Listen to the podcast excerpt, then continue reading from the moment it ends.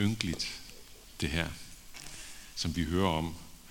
De sidder der ved det sidste måltid med Jesus og strides om, hvem der er størst. Det er klart, de vidste ikke, det var det sidste måltid. Det gjorde de af gode grunde ikke. Uh, men, det, men, men der har uden tvivl været en uro i dem. Det hører vi faktisk om uh, andre steder i flere af evangelierne, uh, i det her optræk til vejen mod Jerusalem. Der er en uro i dem, fordi de ved, at det er altså ikke uproblematisk at komme til, til Jerusalem ved påsketid med Jesus, som vækker røre over alt, hvor han kommer. Og i Jerusalem ved påsketid, der er byen propfuld af jøder, som kommer fra hele Romeriet på pilgrimsfærd til den her store hellige fest.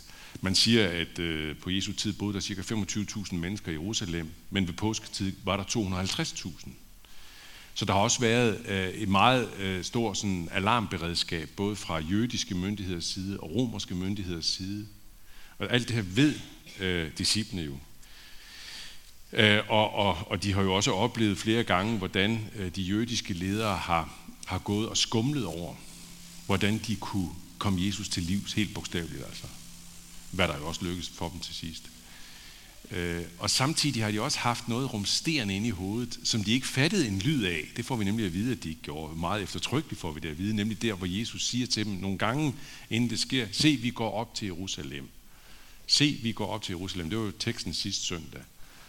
Og der skal jeg op, og der skal menneskesønnen, og det er så, fordi han omtaler sig ofte selv i tredje person, menneskesønnen, der skal jeg fanges, øh, piskes, hånes, spyttet på og, og, og øh, korsfæstes og dø og opstå. Og der står, at de forstod ingenting af det. Men jeg garanterer for, at det har rumsteret i hovedet på dem. Det har ligget et eller andet sted der. Og øh, Jesus selv, som, som opfører sig sådan lidt, øh, ja, sådan lidt mærkeligt ved det her sidste måltid, eller det her, som de ikke ved endnu er det sidste måltid, men der er sådan noget, noget skæbneagtigt over det. Han vasker deres fødder, får vi at vide i Johannes evangeliet. Han vasker deres fødder, det som ellers er en tjeners opgave, og han som jo er rabbien, han er herren på en måde. Ikke? Han vasker deres fødder. Og det er jo det, som øh, Lukas uden tvivl indirekte refererer til, når han citerer Jesus for at sige det her, jeg er iblandt jer som den, der tjener. Og så sidder de der altså, i den her skæbne tunge stund, med al den der uro og alt det der i sig. Så sidder de der og strides om, siger, skriver Lukas, strides om, de så ikke bare taler pænt med hinanden, de strides om, hvem der er den største. Det er da ufattelig ynkeligt. Ja, det er det. Og det er jo sådan, vi er. Vi skal ikke, vi skal ikke sige, de er ynkelige, vi skal sige, hvor er vi ynkelige. Det er det, vi skal sige. For vi er der jo igen og igen, lige der, i strid om, hvem der er størst de er det i, i sådan en meget åbenlys strid, og det kan, det kan vi synes er lidt barnligt i al sin ligefremhed. Som børn, der står og skændes i munden på hinanden om, hvem der kan løbe hurtigst, øh, hvem der kan tisse længst, hvem der har den stærkeste far, øh, eller den pæneste mor, eller et eller andet. Men, men og, og åbenlysheden, kan man sige, den er ynkelig, ja, men på den anden side, så er det jo øh, mindre åbenlyst. Er det, er, det, er det mindre åbenlyst? Er det mindre åbenlyst end den strid, som foregår på så mange andre måder hos os? Er det, er det mindre åbenlyst? Undskyld, det er altså ikke for at hænge dem ud, men er det mindre åbenlyst end den strid, der foregår i Alternativet lige nu? Som jo i bund og grund er en strid om, hvem der er størst. I et parti, som lader ud med netop at være ikke hierarkisk, ikke magtfuldt. Eller er det, er det mindre åbenlyst end den strid, der foregår mellem regeringen og Venstre, og som har foregået her de sidste par uger? Nej, er det mindre åbenlyst end det, der igen og igen rumsterer i os og kommer til udtryk også igennem os, når vi griber os selv i det gang på gang, i ønsket om at være mest anerkendt, størst, øh, forrest, øverst, blive rost mest. For det kan vi gribe os selv i igen og igen. Og det er så pinligt. Ja. Yeah.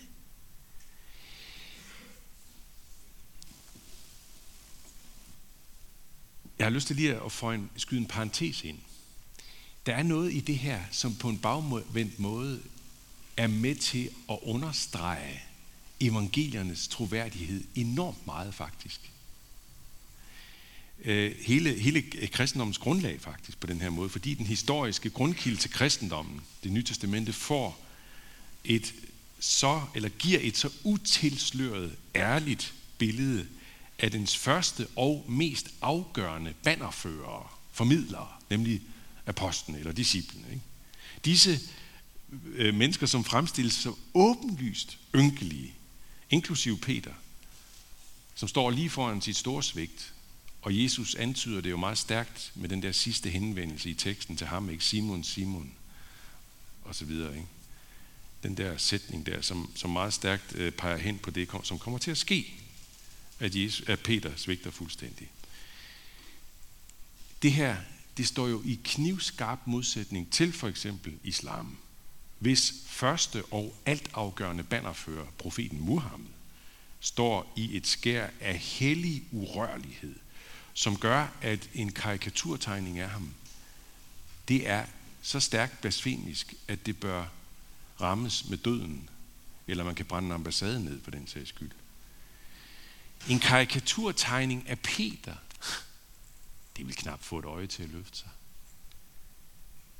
For han er allerede tegnet så kritisabelt, som overhovedet tænkes kan i kristendommens eget grundskrift, det nye testamente. Han og, og hans kompagnoner, hans meddisciple, medapostle, og ikke bare dem er der tegnet sådan et billede af, men er os alle sammen. Sådan er vi alle sammen. Ynkeligt storhedsstræbende. Stræbende efter betydning, efter anerkendelse, efter magt og ære og indflydelse og storhed. På hundrede forskellige måder. I ufattelig mange forskellige varianter, for vi er meget forskellige. Der sidder mennesker hernede, det tror jeg, for det, det vil gøre i enhver forsamling af den her størrelse, som har et enormt mindreværdskompleks. Jamen, er, er de også grebet af det her? Ja, det kan, det, kan, det kan vise sig på en utrolig subtil måde ønsket om at være stor og størst og udøve magt. Det kan det hos alle. Jeg hørte en øh, psykolog for nogle år siden holde et foredrag om øh, det med magtmennesket. I ved magtmennesket, hvor det kommer sådan meget direkte og ubehageligt og sygeligt til udtryk. Men det her, den her psykolog siger, på en skala fra 1 til 10, har vi alle sammen noget af magtmennesket i os.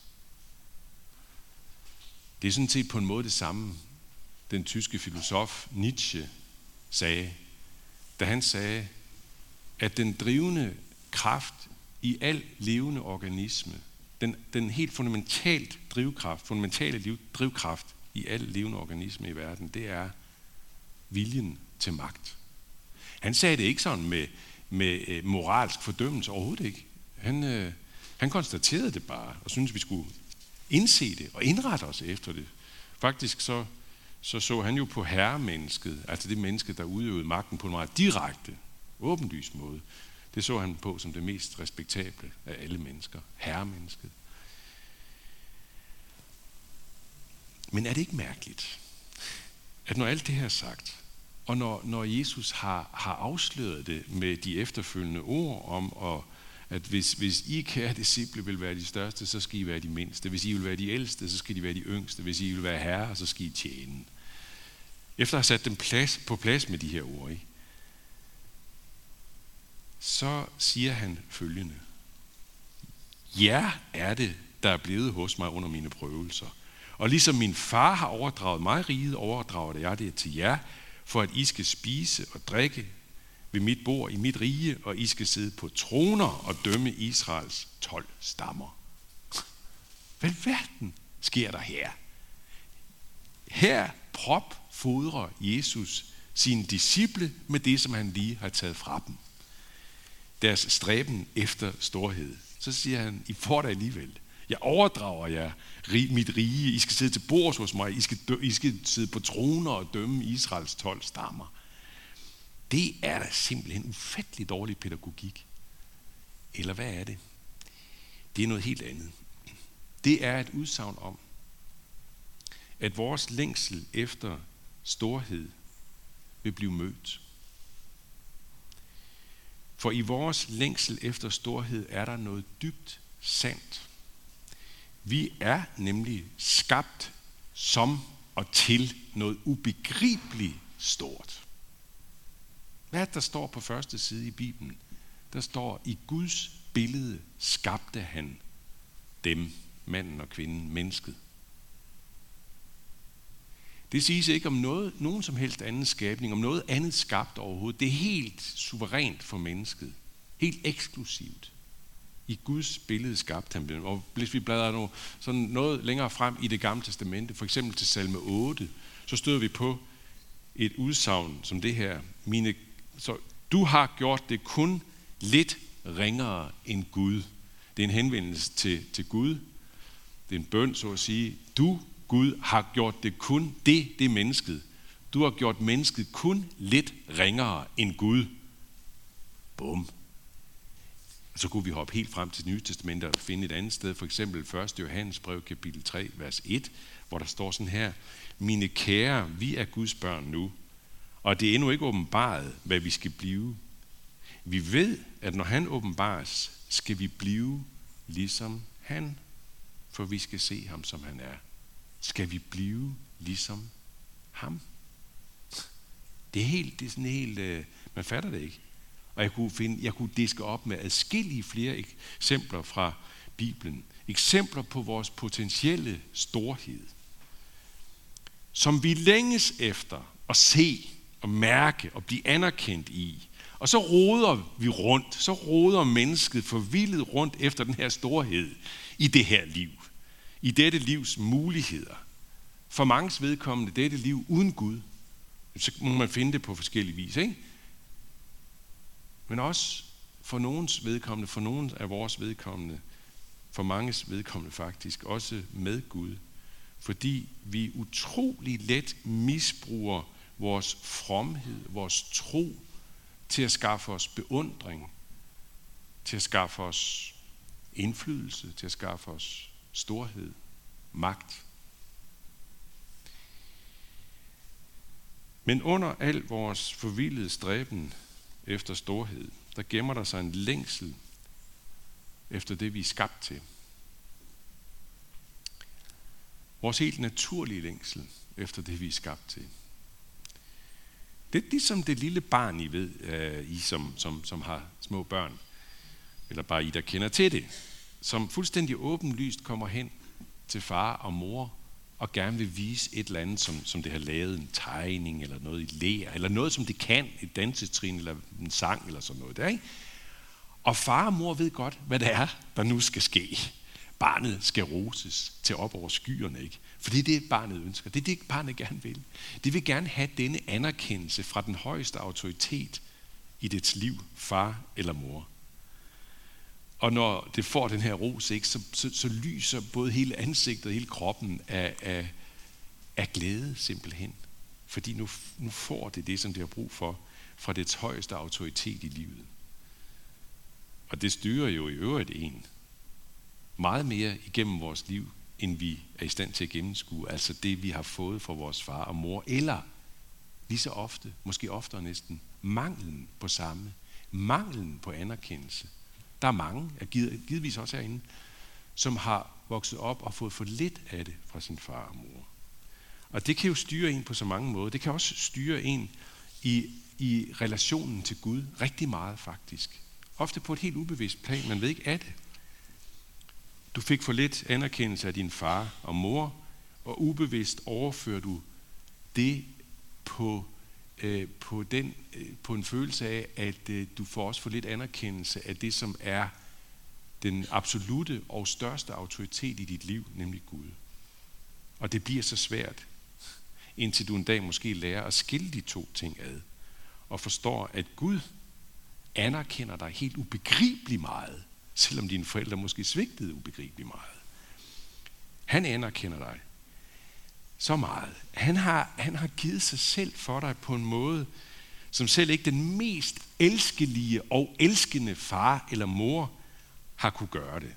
Han har offret sig fuldstændig for dig på et kors. Han har gjort sig til tjener. Han har gjort sig til den mindste af alle. Gud den almægtige. Han har gjort sig til den ringeste. Den forhånede. Den piskede. Den korsfæstede. For at give dig anerkendelse. For at give dig storhed Giv dig en trone at sidde på. Giv dig et rige. Giv dig et evigt liv. for at give dig faktisk en tilbagevendenhed til den paradisiske storhed, hvor mennesket går rundt der i paradis, splitter nøgen, fuldstændig uden skam, helt i synk med sig selv, helt i synk med sin egen identitet, sin krop, sin eksistens, går der i paradis sammen med Gud Herren selv, som vi hører om det med Adam og Eva før syndefaldet, går og taler der med Gud som ven til ven. Det har han offret alt for, at du skal kunne få igen. Alt det vil han give ved at hengive sig selv. Alt det, som vi nu vandrer frem mod øh, på vej til Jerusalem sammen med ham.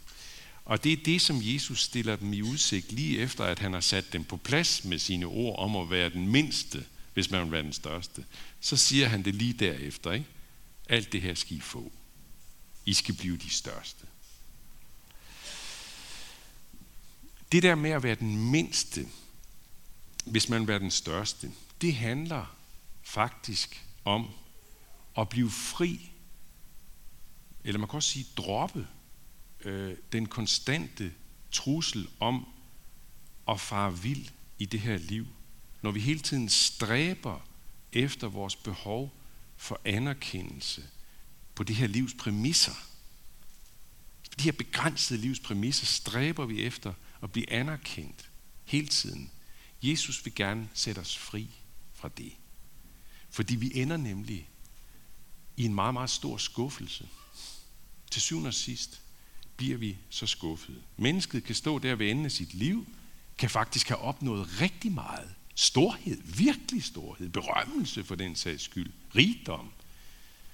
Og alligevel sidde tilbage med en fuldstændig uopfyldt længsel, en kæmpe skuffelse. Jeg siger ikke, at alle gør det altså, men det er altså ikke unormalt, at man sidder om så bare med en lille bitte, og jeg fik det ikke helt alligevel. Det fik mig til at tænke på et citat, jeg læste for nogle år siden af en af de virkelig berømte i den her verden, nemlig popsangeren Madonna, som siger følgende i et interview. Jeg har en jernvilje, og min vilje har altid drejet sig om at besejre en skrækkelig følelse af utilstrækkelighed. Når jeg har overvundet et anfald af den følelse og opdaget, at jeg er noget ganske særligt, kommer jeg til et andet stadium, hvor jeg synes, jeg er middelmådig og uinteressant. Igen og igen. Min drivkraft i livet skyldes denne forfærdelige frygt for at være middelmådig, og den presser mig konstant. For selvom jeg er blevet en kendt person, er jeg stadig nødt til at bevise, at jeg er noget. Min kamp er ikke forbi, og sandsynligvis sker det heller aldrig. Det tror jeg, hun er ret i. Jesus vil gerne befri os fra det der. Han vil gerne befri os for skuffelsen, for det der konstante stress efter mere anerkendelse, for den der falske opfyldelse af vores grundlængsel. Han siger, folkenes konger hersker over dem, og de som udøver magt over dem lader sig kalde velgøre. Sådan skal I ikke være. Men den ældste blandt jer skal være som den yngste, og lederen som den, som den der tjener. Ved du, hvad det er? Det er en invitation. Det er en invitation til at være fri og give slip. Du bliver stor i mit rige, siger Jesus. Giv nu bare slip på det her i det her liv. Se dig selv som tjener. Vær fri. Vær fri. Og derfor siger vi igen i dag, lov, tak og evig ære være dig, hvor Gud, Far, Søn og Helligånd, som var, er og bliver en sand treenig Gud, højlovet fra første begyndelse, nu og i al evighed. Amen.